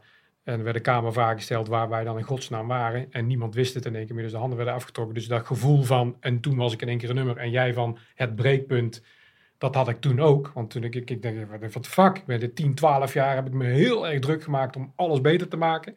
Heeft me ook een huwelijk gekost, hè, deels. Omdat ik altijd weg was, altijd bezig was en maar reizen en eigenlijk dat thuisfront helemaal vergeten ben. En dan merk je in één keer van, wacht even, maar uh, dat leven past helemaal niet meer. Uh, en dan voel je in één keer dus uh, dat moment. Dus ik, ik, denk ook dat dat wel een, een boodschap is, dat hoe je je dus binnen Defensie ontwikkelt, maar dat het dus heel gezond is om ook af en toe wel eens stil te staan van waar sta ik nu eigenlijk? Wat vindt die omgeving ervan? Want we kunnen daar niet op afgeven dat defensie of politie dan dat altijd maar slecht doet. Nee, het, het is een eigen wel- keuze, maar ja, maar het is wel een het is wel waar je inrolt op dat moment. Ja, maar het is ook een dingetje, denk ik, omdat je. eh, eh, ik, ik zie dat. Ik heb veel Amerika, maar in Amerika zie ik dat dus veel minder. Hè? Is dat als je binnen Nederland eh, veel ervaring op doet. En veel ervaring wordt gezien als een bedreiging. Terwijl je eigenlijk alleen maar bijdraagt. Dan word je in één keer kop van jut. Zo zie ik ook jouw eh, eh, geval, zeg maar. Ja, want als ik nu kijk, eh, zeg maar in de situatie waar ik nu in zit. Kijk, puntje bij paaltje, eh, die rechtszaak loopt nu nog gewoon. Dus daar moet nog iets over gezegd worden. Maar het komt er eigenlijk op neer dat ik mogelijk een risico ben geworden. Maar dan denk ik, nou, hoezo risico? Ik heb al 28 jaar zeg maar, uitstekend gefunctioneerd. Wij hebben als club hebben we ook al laten zien, langdurig, dat er helemaal geen risico is. Maar dan moet je me vooral wegdouwen. Moet je me vooral lekker traineren, want dan zijn ze, ze me vooral aan het doen. Hè? Ja, dan wordt het risico misschien groot, ja. ja, douw me vooral in een hoek en op een gegeven moment kijk ik niet meer weg en dan Ja. moet ik naar voren. Ja, En ja, nogmaals, ik heb nu zeg maar vanaf eh, zeg maar, afgelopen zeg maar, eh, december ontslag gekregen. Maar de, zeg maar, het gaat vooral op de manier waarop ik ontslag heb gekregen en de naweeën daarvan, zeg maar. Ja. Gewoon heel kort samengevat, gewoon als een hond word je gewoon weggetrapt. Geen enkele begeleiding, helemaal niks. Eh, de UWV deed moeilijk, maar ondertussen, mijn gezin, ja, die staat daar ook nog gewoon eh, lekker eh, zeg maar, te wonen in Breda. En dan moet ik ook onderhouden. Of in ieder geval aan bijdragen om te onderhouden. Maar, dat wordt allemaal even vergeten, ja. Want het politieke hype, dat is even een dingetje. En ze kijken helemaal niet naar van... Oh, die jongen heeft al 28 jaar gefunctioneerd. Hey, eh, die club bestaat al 26 jaar. Eigenlijk nog nooit niks raars gebeurd bij die club. Eh, ook allemaal mensen die al langdurig bij Defensie hebben gezeten... die eigenlijk nooit niks raars hebben gedaan. Ah, maar het zijn toch allemaal criminelen? Want het grappige is... eh zeg maar, Defensie heeft een nota, hè? Personeel op één. Nou, Ja. als het een uitkomt, ja. Maar oké, net personeel op één. Op een gegeven moment eh, kregen commandanten de leidraad voor OMG. OMG is Outlaw Motorcycle Club. En er staat er een definitie bij, hè. Dat zijn geen gewone motorclubs, maar gebruiken de motor als dekmantel om criminele activiteiten te ontplooien. Nou, wij hebben al van alles gedaan om eh, daarvan af te komen van dat predicaat. Zelfs de ombudsman bij geweest. En die eh, zei ook van luister, wat hier gebeurt, eh, dat klopt niet helemaal. Wil je daar nog eens naar kijken? En, want toen hebben er heel veel last van. En het antwoord van het zeg maar, OM is geweest. Hun hebben daar geen last van, want wij richten ons op andere clubs en niet op hun. Nou, wij hebben daar dus wel last van. Maar dat was voor de ombudsman dus een voldoende antwoord. Ja. En is dat ook weer klaar. Maar dan zit ik daar op een gegeven moment, hè, die leidraad voor commandanten. Nou, en wat, eh, eh, zeg maar, die commandant moest dan een gesprek voeren met mensen zoals mij, hè, die lid zijn van de club, van een OMG. En eh, dan stond er in het stroomschemaatje, stond dan van, eigenlijk moeten we gaan vertellen tegen die jongens dat we dat eigenlijk niet zo tof vinden dat ze bij zo'n club zitten. Dus liever, zeg maar, ontmoedigen. En wilt hij niet zo goed luisteren, dan gaan we gewoon een beetje vertragen in zijn rangen. En, eh, eh, en op een gegeven moment ontslag. Dat staat gewoon letterlijk in die, eh, in die dingen. Dus op een gegeven moment, ik had dan dat gesprek, terwijl ik al volop in die zaak zat, moest ik toch dat gesprek voeren met de COID. De Commissie Onderzoek Integriteit Defensie. ja.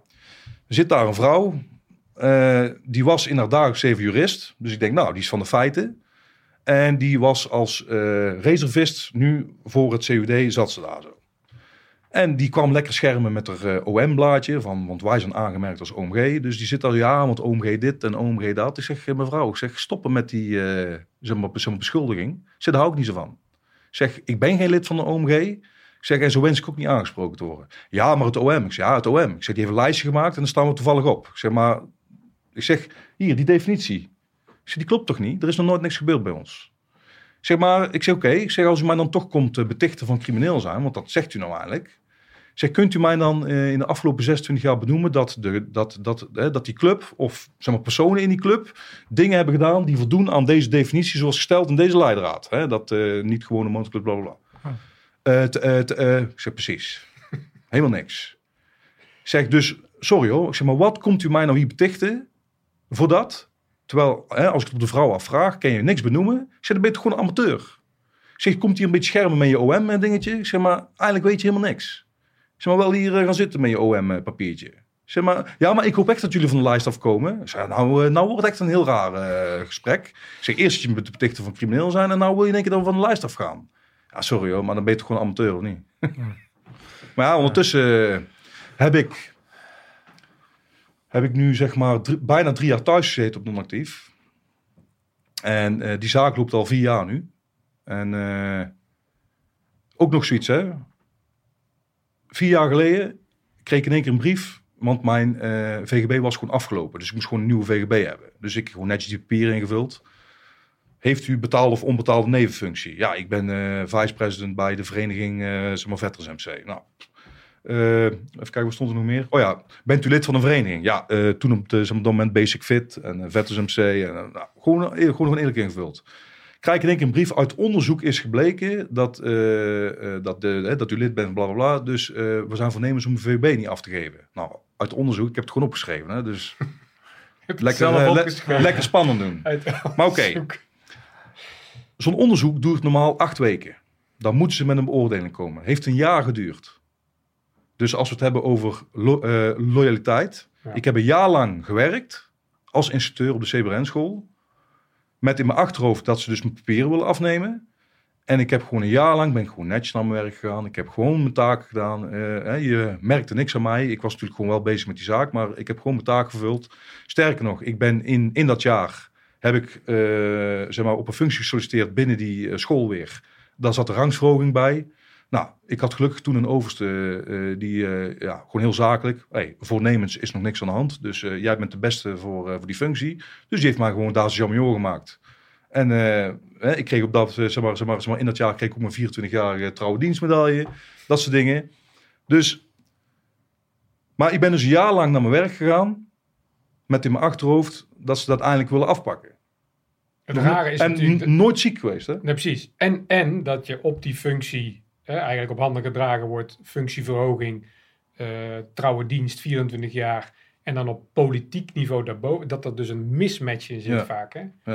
Maar is, eh, ja, kijk, ik zei in het voorgesprek ook al een beetje. Kijk, ik, we kunnen natuurlijk gaan steggelen op het feit dat Defensie deze eh, beslissing maakt. Ik denk dat voor beide uh, zienswijzen iets te zeggen valt. Vanuit Defensie kan je natuurlijk allerlei argumenten opbrengen waarom. Uh, je, je, je, kan zeggen van als, als mensen bij een, uh, vanuit on, die bij ons werken met integriteit en alles wat er omheen hangt. Als je dan bij een Hells Angels uh, zit, ik noem even een voorbeeld. Uh, dat is een probleem, uh, want bla bla bla bla bla. Daar, daar, daar valt heus wel wat voor te zeggen, waarvan van wij dingen op tafel kunnen leggen en dat we dat kunnen begrijpen. Of kan je, kan je daar nul begrip voor opbrengen voor dat verhaal? Nee, daar kan, even, geen, even nee, daar kan ik okay. absoluut geen begrip voor opbrengen. Want, nou, kijk, uh, ik, ik vind het verhaal Hells Angels vind ik een ander verhaal dan een eigen motorclub vanuit ja, dus daar, dus, dus daar, zit een, daar zit een onderscheid tussen, uh, tussen omdat uh, bij de Hells Angels natuurlijk wel bewezen allerlei activiteiten onder zitten. Uh, ja. Dus dan zal dat argument makkelijk. Ben je het daarmee eens? Ja, nee, nee. Want, nee? Okay. Kijk, want dat wordt ook weer door de media wordt dat zo gedaan. Maar uh, kijk, wat er nu gebeurt met de Hells Angels bijvoorbeeld is, hè, want dat is een criminele club en van alles en nog wat. Dus dat is eigenlijk gewoon strafrecht. Maar er wordt nu in één keer bestuurlijk gedaan. Worden van allerlei verhalen op, op opgehaald. Hè? Terwijl die uh, knoops die vroegen op een gegeven moment van, maar hoeveel, uh, want hun worden dan zeg maar, zeg maar beschuldigd van ondermijning en ze zijn een gevaar voor, voor, de, voor, de, zeg maar, voor de rechtsstaat, bla bla. En toen vroeg die knoops gewoon van, maar hoeveel Hells Angels zijn er dan nu opgepakt en in verband gebracht met criminaliteit dit jaar? Drie. Wat is daar ondermijning van dan? Dat zijn gewoon drie personen die iets gedaan hebben. Ja. Kijk, kijk, en ik snap... als we dan gaan kijken, want dat steekt mij helemaal. Kijk, eh, zit je bij de D66 of bij de VVD, dan mag je gewoon drie jaar vastgezeten hebben en lid zijn van een terroristische organisatie. En dan uh, wordt het allemaal goed gepraat. Van, ja, als ze nou openlijk excuses had aangeboden, dan was het misschien een ander verhaal. Want nu is het een beetje ongemakkelijk. Ja. ja, er zit daar een landsadvocaat, zit in mijn zaak te pleiten dat ik mogelijk risico ben, terwijl in zijn maatschap door de voorzitter voor 12 miljoen fraude is gepleegd. Hou gewoon stil. Ja. Dan moet je ook gewoon alles rechtlijnig maken. En niet bij de ene wel en bij de andere niet. Het slaat helemaal nergens op. Dus ik ben even, kijk, ik ben even op zoek naar, kijk, um, kijk waar, waar, zit, waar, waar, zit jou, waar, waar, zit jou, waar zit jouw strijd? Wat is, is, is, het, is het, zijn het de principes? Zijn het, is, is, is, waar, waar Rechtvaardigheid. Zit het? Rechtvaardigheid. Rechtvaardigheid. Kijk, uh, ja, ik moet dat de volgende keer ook heel goed uitleggen tijdens zo'n zaak, want uh, ja, ze snappen het ook gewoon niet. Nee. Ze snappen het gewoon echt niet. Kijk, hun zeggen nu, uh, inderdaad, een van de redenen is omdat ik contacten heb met de Hells Angels, ben ik dan mogelijk voor hun ook een risico. Ja, definieer contact. Dat is één. En twee, ja, ik zit bij een motorclub. En als je bij een motorclub zit, dan heb je toch wel wat bepaalde interesses. Hè, tatoeages, eh, motorrijden. eh. Dus hè, dan gaan we naar een motorbeurs of hè, weet ik veel waar we naartoe gaan. Naar een feestje. En dan kom ik ze wel eens tegen, ja. Nou, dan kunnen we heel stoer naar elkaar kijken en eh, grimmen. En eh, misschien ze met elkaar op de bek slaan. Dat kan. Of kan een Maar drinken. je kan ook gewoon een klauw geven, want we geven geen handen, maar we geven een klauw. En even een praatje maken en dan scheiden onze wegen weer. Kijk, en zo'n kaag zit te roepen. Ja, ik voel me nu nog onveiliger in Nederland als dat ik eh, eerder deed waar ze toen vandaan kwam met de man. Want eh daar had ik te maken met Hezbollah en dit en dat. Oh, maar ik heb te maken soms met de Hells Angels. Ja, nou ja, die kom ik wel eens tegen. Er is er niks mis mee als ik die een hand geef. Het wordt een ander verhaal. Als ze bijvoorbeeld een foto kunnen overleggen dat ik eh, met een Hells Angel bij een kofferbak sta en ze zien nog net een kolf van een AK-47 uitsteken. Dan wordt het een ander verhaal. Maar niet omdat ik een hand geef. En kijk, en mensen snappen niet. Dat hesje, dat is een bepaald eh, iets. En, eh, Is, is het vergelijkbaar met een baret of een... eh, Ja, ja. Maar eh, ik heb erover na te denken om dat uit te leggen aan bijvoorbeeld zo'n zo'n rechter of, of, of, of, of iemand die zeg maar beleid voert. Kijk, heel veel mensen rijden auto. Maar niet iedereen rijdt in een Ford Mustang uit 69, bijvoorbeeld. Dus, ik schets maar een scenario. Hè. Meneer X heeft een Ford Mustang uit 1969. En als toevallig is dat een eh, rechter. En die staat bij de McDonald's, staat die eh, even lekker eh, van zijn ritje te genieten en een milkshake te drinken, ik noem maar. En daar komt iemand met een Ford Mustang uit 1970 aan. Zeker niet dat hij door gaat rijden. Nee. Nee. die gaat ernaast staan en dan gaan ze over de Ford Mustang praten. Maar het blijkt nou dat hij, als hij uitstapt, heeft hij toevallig een Hells Angels shirtje aan. Ah nee, sorry man, je hebt een Hells Angels shirtje aan, dus ik rij je gauw door. Nee, je kunt toch gewoon over die Ford Mustang praten. Dat is toch gewoon allebei waar je, zeg maar, een lieve... En dat zelfs met die vestjes. Kijk, een vestje is gewoon, eh, hè, als je iemand anders tegenkomt met een vestje, dan geef je gewoon even een hand. Punt. Ja. Niks Ja. raars aan. Nou ja, ja, Beter dat toch als dat we elkaar de kop inslaan. Of, eh, ja. Ja, plus dat je het sowieso hebt over een heel klein clubje. En ik ben het met je eens hoor, het is gewoon strafrecht. En binnen het AT hebben we natuurlijk ook veel met de Hells Angels eh, te maken gehad en eh, waarschijnlijk nog. Maar, maar dat doet niet af aan het principe dat eh, je al- allemaal individu mens bent. Dat jij ze wel eens tegenkomt. En dat je dan niet ruzie zoekt, maar eh, daar eh, een klauw geeft en weer doorgaat. En dat wordt dan als contact met de Hells Angels gezien. En ik ben het ook met je eens hoor, want die, die dame die dan list van de Hofstadgroep aantoonbaar veroordeeld ook nog is, dat kan dan wel. Ik, vind dat, ik vind dat ook raar. Ja, en sterker nog, kijk, eh, zeg maar, mijn verhaal is toch wel, hè, want ik ben gewoon met mijn kop op, eh, op het 8 uur journaal geweest toen. Dus mijn verhaal is vooral binnen, binnen zeg maar, zeg maar, de, zeg maar, de wereld van Defensie is natuurlijk bekend, maar ook binnen de motorclubwereld is het ook bekend. Ja. Kijk, en dan kan je zeggen wat je wil, maar ook zo'n Hells Angel heeft gewoon zeg maar, respect voor onze club. Want boys with toys, hè, dat is toch een beetje ook het idee. Hè? Dus eh, nou, hè, militaire wapens, eh, uitzendingen, dit, dat. Dat is toch een beetje dat, eh, dat jongetjes dingen. Ja. Dus hun vinden dat ook mooi. Dus hebben ze daar ook zeg maar, respect voor. Nou, en dan horen ze, hè, want ze kennen mijn zaak ook echt wel. Dan horen ze dat mede omdat ik hun wel eens tegenkom en een klauw geef dat ik nu in de problemen zit. Nou, ik kan je vertellen, ik heb meer steun ontvangen van leden van Hells Angels via social media als van eigen mensen. Van veteranen bedoel je? Ja, nou, veteraan niet, maar vanuit zeg maar, Defensie. Ja. Ja, dus vanuit je, je oude clubje. Ja, Ja, bizar. ja. En wat... eh, wat ja maar dat, dat is toch eh, eigenlijk raar. Ja, ja want, want eh, je, hebt, jij voelt je niet. ehm, ook vanuit alle mensen met wie je gewerkt hebt in al die jaren, voel jij weinig steun op dit moment. En in, in je hele proces. Ja, daar komt wel op neer. Alleen het gaat ook om wat eh, bijvoorbeeld Erwin zegt. Kijk, eh, dan roepen ze, als er een uitkomt, je bent 24 uur militair. Dat klopt. Maar ik ben ook gewoon mens. Dat ben ik ook nog steeds. En hoe je het bent of keert, ik rij in 2,5 uur van, eh, van zuid naar noord en in anderhalf uur van oost naar west. Zo groot is Nederland. Dus ja, dan kom ik hun tegen. En dan ga ik ook niet vermijden dat ik hun niet tegenkom. Kijk, woon je nou in Canada? Nou, dat is zo groot, dan eh, hoef je elkaar niet tegen te komen eventueel. Nee. Maar we zijn zo klein in Nederland. Hè, en we hebben allerlei dingen. Dus kijk, dan zie ik ze op een motorbeurs, maar ik ken ze ook op een, eh, op een dancefestival tegenkomen. Zou ook kunnen. Of eh, bij de McDonald's. Of, snap je? Moet ik dan zeggen, ah, sorry man, ik ben militair, dus ik loop nu weg. Dat is toch raar? Je mag elkaar toch gewoon een hand geven. Je mag toch gewoon aardig doen tegen iemand. Mhm. Alleen, ze moeten niet aankomen bij mij met... eh, je heb je zin om toevallig eh, iets te ondernemen? Want je bent militair geweest, dus dat kennen we... Nee, dat moet je niet doen. Want dat wil ik niet. Ik ben... eh, ik word deze maand 47. Mooi. Ik heb een gezin, ik ben opa en zo. Dus eh, pff, ik vind het goed zo. Hè. Ik heb altijd netjes mijn geld verdiend, dus eh, ik heb gewoon een goed leven. Nou ja, ik, kijk, ik snap jou helemaal. hè. De enige reden dat ik... eh, kijk, ik probeer... Van, vandaag kwam ook de krantenknipsel naar buiten. Een 42-jarige chameur van het KCT... die dan eh, gelinkt wordt aan, eh aan Taki en aan, eh, aan drugs... en dan aan het uitbreken van Taki. Kijk, het, het, het probleem, denk ik... Van, als je vanuit Defensie kijkt... heeft, heeft te maken met toch dat het natuurlijk een bepaalde. Ze zijn zo bang voor, natuurlijk voor lui die dat doen, omdat zo'n weers, weerslag heeft ook op, op de rest. Op het moment dat één iemand natuurlijk toch eh chantabel is of op een of andere manier betrokken raakt in zo'n web van een, van een, van een eh, crimineel, crimineel netwerk. En je dan dus mensen hebt eh, die in een club zich organiseren en daardoor ehm, ja, meer dan gemiddeld. Want ik kom nooit een Hells Angel tegen namelijk. Dus, dus doordat jij die activiteit onderneemt, kom je meer in aanraking met mensen die ertoe kunnen leiden dat, jij, dat de verleiding voor jou groter wordt. Het is hetzelfde als dat je een drugsverslaafde reg- regelmatig in een nachtclub gaat neerzetten.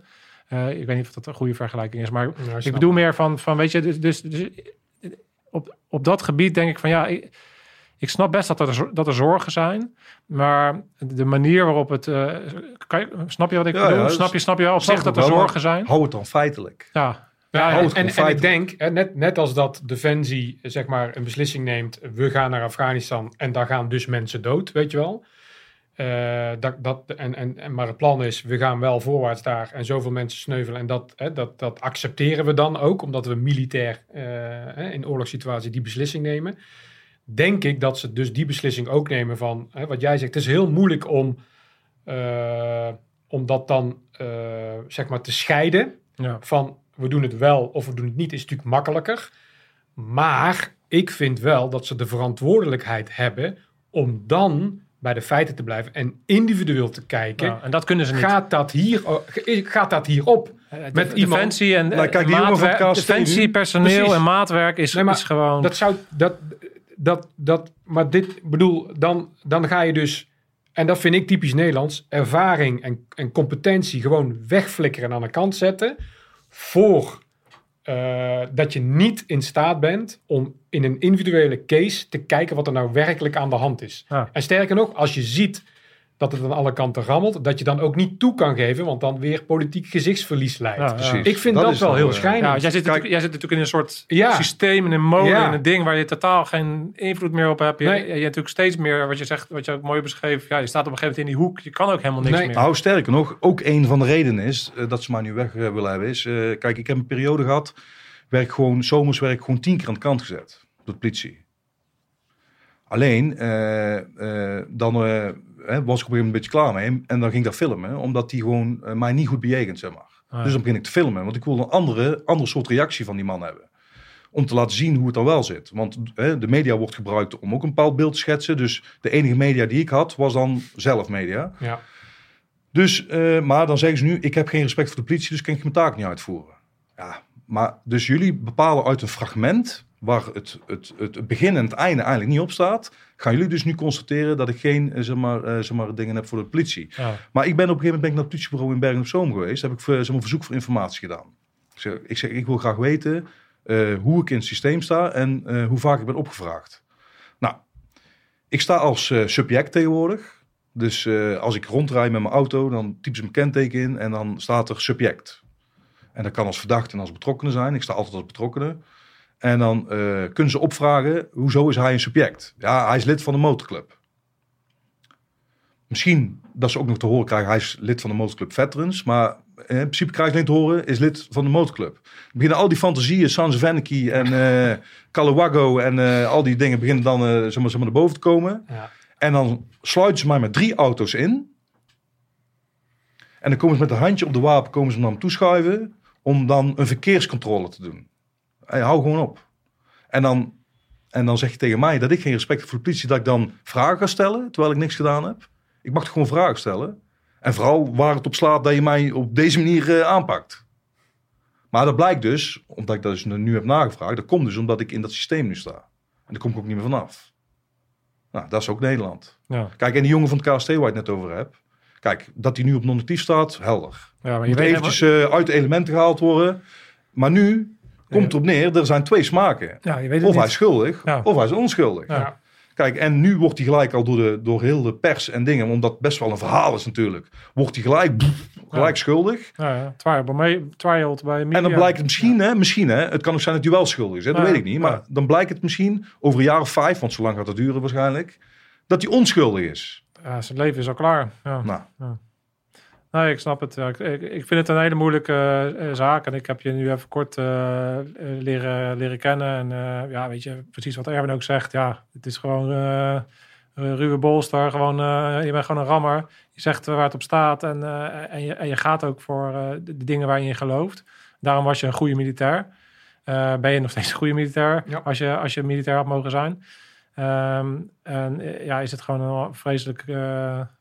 eh, nou ja, behoorlijke domper. Ja. Ik vond door- het echt ja, verraden. Wat, er, wat, ja, wat er nu gebeurt is natuurlijk gewoon eh, drama. Eigenlijk wel, ja. Ja. En, Maar, en, en je, ja. ja. je werkt nu, eh, ja, je, moet- je moet nu dan eh, ineens een ander leven opbouwen. Je werkt nu met, eh, met gehandicapten. Ja, mensen met laag niveau, of zeg maar verstandelijke beperking en dan met zeg maar, gedragsproblemen. Ja, En die zitten dan in een woongroep. En eh, ja, die moeten we ondersteunen in een zo no- normaal mogelijk leven te leiden. ja.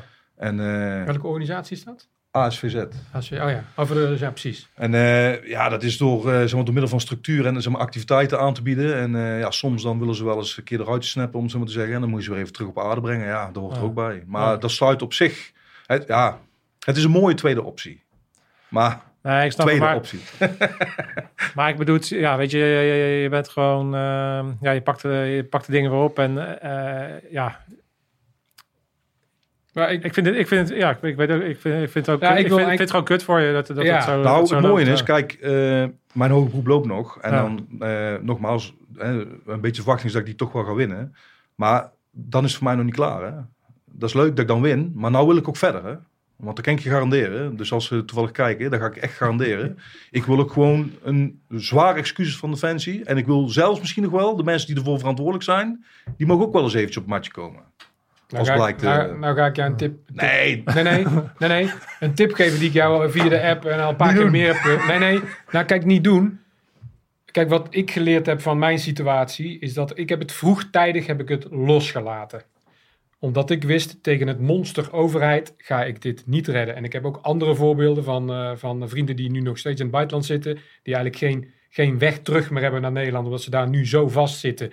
Ook in een zaak nog, weet je wel, met de overheid. Dat je denkt, ja, had het losgelaten. Ik heb toen één keer eh, met Wietse een advocaat ingeschakeld. Na een half uur begreep hij niks van het dossier. Ja, ik heb het even doorgelezen, even doorgelezen. Zes maanden onderzoek, weet je wel. Eh, wel even 350, 450 euro aftikken. Toen hebben wij gezegd, dit gaan wij niet doen. Wij gaan ons focussen op iets anders. En mijn tip naar jou hè, als, eh, als, als vrienden is ook van... Deze zaak moet je winnen. Maar ik denk als je hem wint... En ik hoop dat, ook dat, dat je hem gaat winnen. Zou ik zeggen van losknippen. Want anders blijft het een ding. Dan blijf je in die vechtmodus. En soms is het juist goed om uit die vechtmodus te komen. Eh, Want eh, je gaat er letterlijk en figuurlijk aan kapot, zeg maar.